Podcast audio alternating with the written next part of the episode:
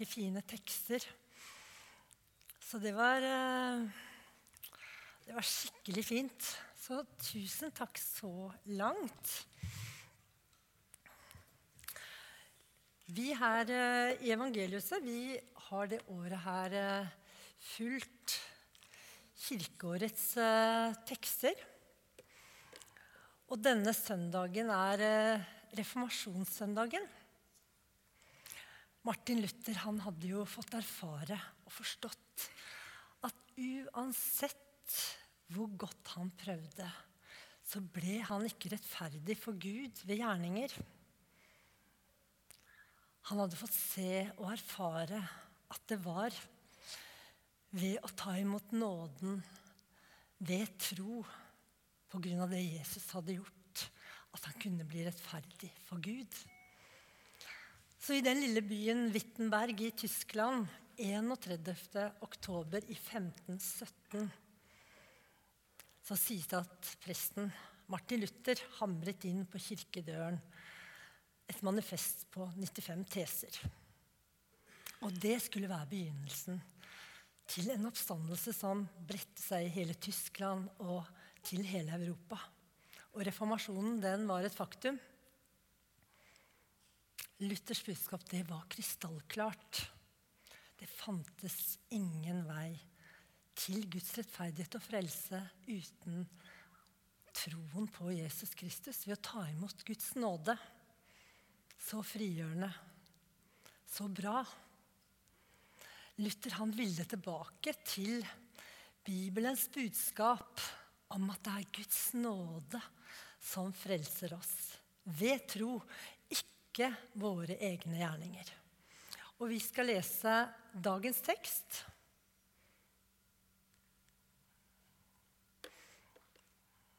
Og det er fra Johannes 1, 16-17, og der står det Av Hans fylde har vi alle fått nåde over nåde. For loven ble gitt ved Moses. Nåden og sannheten kom ved Jesus Kristus. Det var jo egentlig ikke noe feil med loven som ble gitt ved Moses fra Guds side og Guds standard. Men den synliggjorde at mennesket ved egne gjerninger og strev aldri klarte å leve opp til denne standarden. Vi bommet på målet nesten hver eneste gang. Og så ligger det jo litt i oss mennesker da, at vi, gjerne, vi er jo litt selvrettferdige. Og vi vil jo gjerne rettferdiggjøre oss selv. Vi vil gjerne gjøre oss fortjent. Gud visste at det, det kom vi ikke til å klare. Og så er det noe med at han, han ville ikke bare rettferdiggjøre oss og frelse oss. Han ville også gjøre noe mer i våre liv. Han ville forvandle oss til Kristuslikhet sånn at vi kunne bli sanne etterfølgere av Hans sønn Jesus Kristus. Ikke bare for vår del, men for at verden kunne få se hvem Jesus er, og ta imot ham. Derfor så står det at eh, nåden og sannheten kom med Jesus Kristus. Det står ikke at Jesus bare kom med nåden. Han kom også med sannheten. Og de to de henger egentlig helt uløselig sammen. Og det skal vi se litt nærmere på. I vers 14 i kapittel 1 Jesus han var full av nåde og full av sannhet. Det som er litt herlig, da, at Jesus han, han gir deg ikke bare liksom, litt nåde og litt sannhet. Og det er ikke sånn at vi liksom kommer til Gud og sier å Gud, gi meg litt nåde og litt sannhet, så jeg kan føle meg litt bedre akkurat nå. Gud han har så mye større omsorg for oss. Han ønsker så mye mer med våre liv enn bare det lille. Han ønsker at vi skal få del i noe som er enda større. Og så er det jo sånn at den nåden og den sannheten som Gud gir oss, den er gratis. Men vi vet alle at den hadde en veldig høy pris for han som ga den. Jesus Kristus, han betalte for det som vi fikk gratis med å gi sitt eget liv.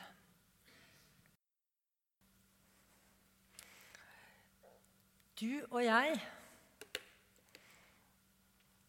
Vi trenger å ta imot den nåden Jesus kommer med i tro. Det er den som frelser oss og gjør oss rettferdige for Gud. Gud har egentlig gjort det enkelt for oss.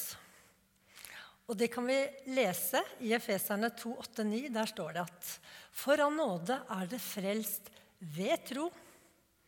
Det er ikke deres eget verk, men Guds gave. Det hviler ikke på gjerninger for at ingen skal skryte av seg selv. For vi er Hans verk, skapt i Kristus Jesus til gode gjerninger som Gud på forhånd har lagt ferdige for at vi skal vandre inn i den. Som jeg sa i stad, Gud har en større hensikt. Han vil ikke bare frelse oss og gi oss en billett til himmelen. Han ønsker at livet vårt skal bli noe mer enn at vi bare skal ha en billett til himmelen. Derfor så kom Jesus også med sannheten. Og sannheten, den setter oss fri og er med på å forvandle oss og hjelpe oss fra de tinga i våre liv som hindrer Kristuslikhet. Men hadde Jesus bare kommet med sannheten om oss så ville det bare minne oss på alle de tinga vi ikke gjorde så bra, alle de tinga vi bomma på. Og det hadde ikke vært noe bra, det hadde ikke vært noe godt for oss, for da ville det nesten vært som å leve under loven. Vi strakk ikke til. Men Jesus kommer først med nåden, den nåden som frelser oss og åpner veien inn gjennom tro. Den nåden som gjør deg og meg til Guds rettmessige, elskede sønner og døtre. Når du tar imot Guds nåde i tro gjennom det Jesus har gjort for deg, så blir du født på ny. Og du blir født inn i en ny familie. Du er elsket. Du er tilgitt. Og du har fått en ny hensikt med livet ditt. Og Gud holder ikke opp mot deg dine dårlige sider og det du har bomma på i livet ditt. Fra Guds side er det lagt bak. Og så ser han deg gjennom sin sønn Jesus Kristus. Men så er det jo sånn at selv om vi er født på ny, og vi har tatt imot Jesus, blitt rettferdige for Gud, så merker vi jo alle sammen og kjenner på at vi lever i en ufullkommen verden. Vi synder, som betyr at vi bommer stadig på målet. Og det blir også gjort synd mot oss. Og det gjør noe med oss. Og det er ikke noe godt. Og det er de tinga jeg tror Gud ønsker virkelig å hjelpe oss med. Denne forvandlingsprosessen til Kristus' likhet, som er et mål for Gud med oss. Og det er en prosess som jeg tror vil pågå hele livet vårt. Men vi kan slå fast at vi trenger ikke å arbeide for vår frelse. Men Paulus sier 'arbeid på deres frelse'. Det er noe helt annet. Det er en sånn helliggjørelsesprosess som pågår i livet våre. Og mer og mer setter oss fri fra det som hindrer Kristuslikhet i livet våre. Så mer og mer vi setter oss fri fra det som har blitt negativt, det som har blitt destruktive ting i livene våre. Og hvordan det ser ut, skal vi se litt mer på.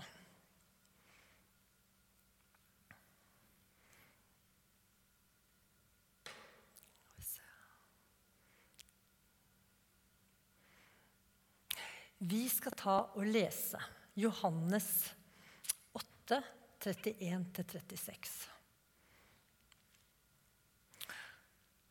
Der står det Jesus sa da til de jødene som var kommet til tro på ham, altså de jødene som var blitt kristne Hvis dere blir i mitt ord, da er det virkelig mine disipler. Da skal dere kjenne sannheten, og sannheten skal gjøre dere fri. De sa til ham, vi er Abrahams ett. Vi har aldri vært slaver under noe. Hvordan kan du da si at vi skal bli fri? Jesus svarte, sannelig, sannelig sier jeg dere, den som gjør synd, er slave under synden. En slave blir ikke huset for alltid, men en sønn blir der for alltid. For Sønnen frigjort dere, da blir dere virkelig fri. Vi vet jo det at begrepet synd og begrepet sannhet er begreper i vår vestlige verden som, som vi kan ha litt vanskeligheter med å forholde oss til. Og jeg tror at synd kan ha blitt brukt veldig feil i mange sammenhenger. Men en god beskrivelse er å bomme på målet. Og så er det det her med sannhet. da. I dag så hører vi veldig ofte det at ja, det er sant for meg. Og så har du din sannhet. Og det er jo helt fint. Og det finnes ikke en objektiv sannhet, egentlig. Det er liksom veldig vanlig tankegang i Vesten, tror jeg.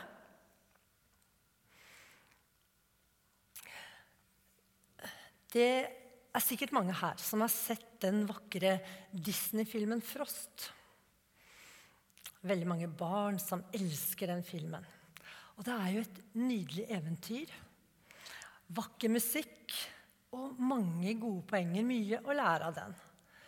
Men det er også interessant å se hvordan vår vestlige tankegang nettopp er lik slik som Elsa synger i sangen 'La det gå'. Da synger hun nå skal jeg se hva jeg får til, og teste grenser når jeg vil. For alle regler er forbi. Jeg er fri. Kan vi spørre er det dette som gjør oss fri? Det å ikke ha noen regel og bare ha sin egen sannhet. Likeledes kan vi se i filmen 'Så som i himmelen'. Sikker, den er noen år tilbake, men jeg er sikker på det er veldig mange av dere som har sett den. Det er også en utrolig vakker film som jeg har sett flere ganger.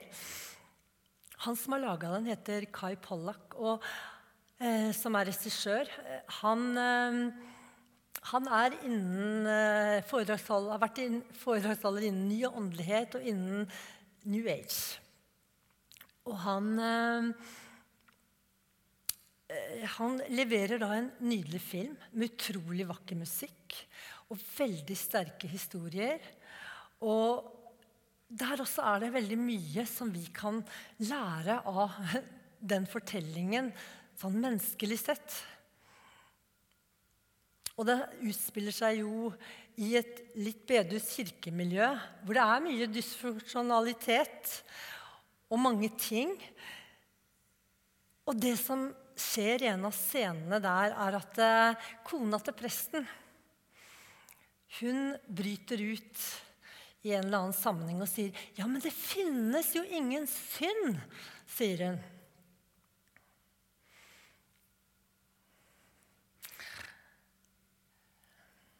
Men så er det noe med det at hvis det ikke finnes noen synd, da finnes det jo heller ikke behov for nåde og tilgivelse.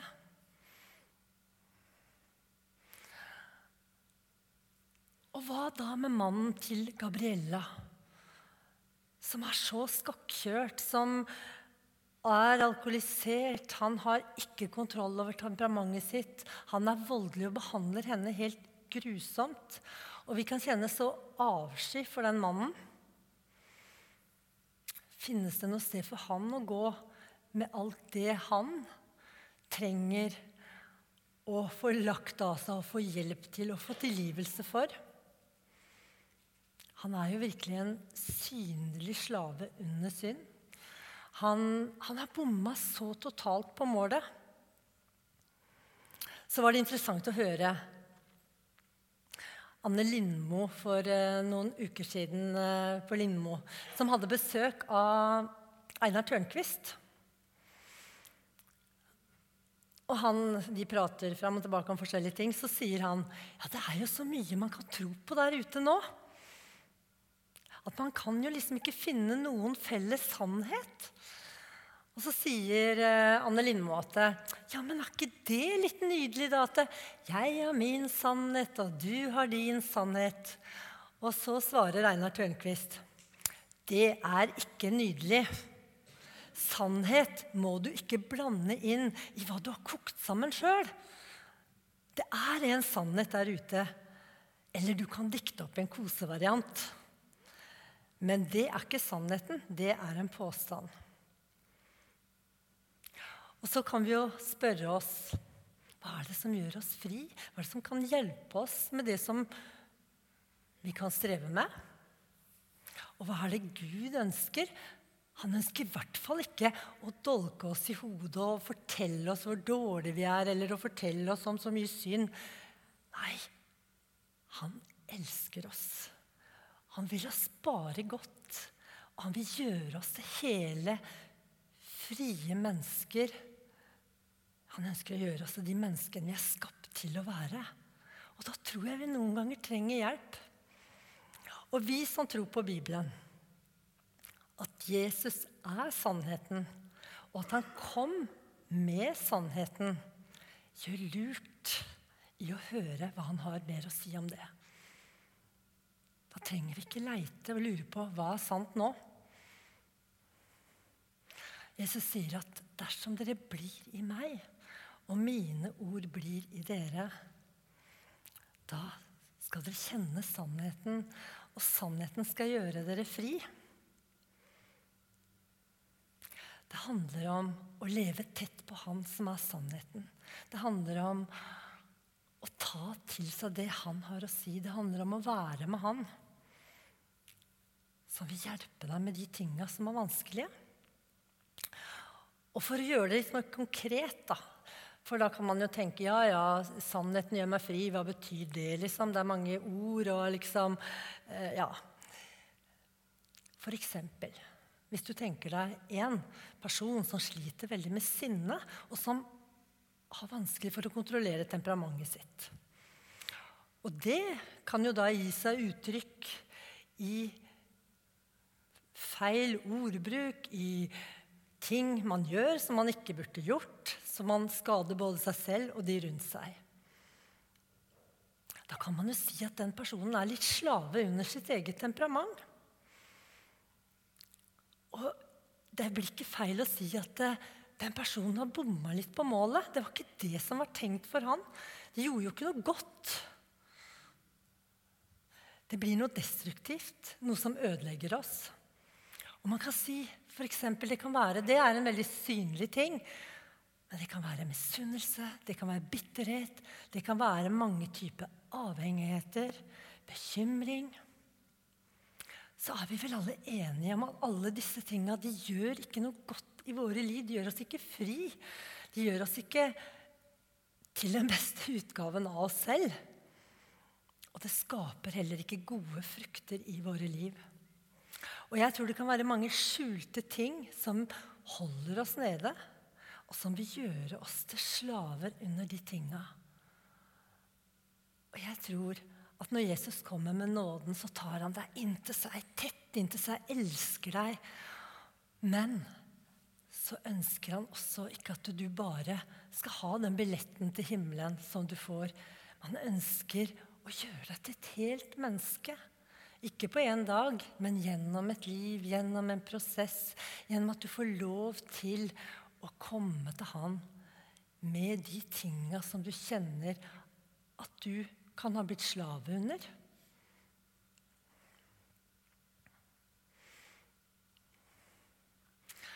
For det er ikke sånn at Jesus han kommer til deg når du har bomma litt på målet. Og Så kommer han med sannheten og sier at vet du hva, nå har du gått for langt. Nå må du bare ta deg sammen. For det er noe med Vi mennesker vi er så komplekse. Og Derfor så skal vi være så forsiktige med å dømme hverandre. Men Jesus han kjenner rotårsaken til alle ting i ditt liv. Han skjønner at det er ikke så lett å være deg og meg. Samtidig så er det jo sånn at han gir deg ikke liksom bare en sånn liten dusj av nåde for at du skal føle deg litt bedre i øyeblikket. Nei, han kaller deg inn i en livslang forvandlingsprosess hvor han er coachen din. Hvor han, han er nær deg når du har tatt imot ham. Han bor i deg med sin ånd. Og han ønsker at du ikke skal gå opp av nådens hav før du er på evighetens strand. Der du daglig blir i Han og Han i deg. Du tar til deg Hans ord, som er sannheten.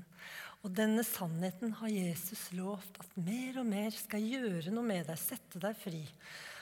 Så gir du de tingene til ham som tynger deg. Du legger det ned for ham. Og da tror jeg også det er sånn at det, det er ikke bare deg og Jesus det handler om. Det handler også om det kristne fellesskapet, tror jeg. Vi trenger det, hvor vi kan på en måte fortelle hverandre der vi har bomma på målet. Og så kan vi være med og be for hverandre. Og så kan vi hjelpe hverandre til å formes til Kristuslikhet.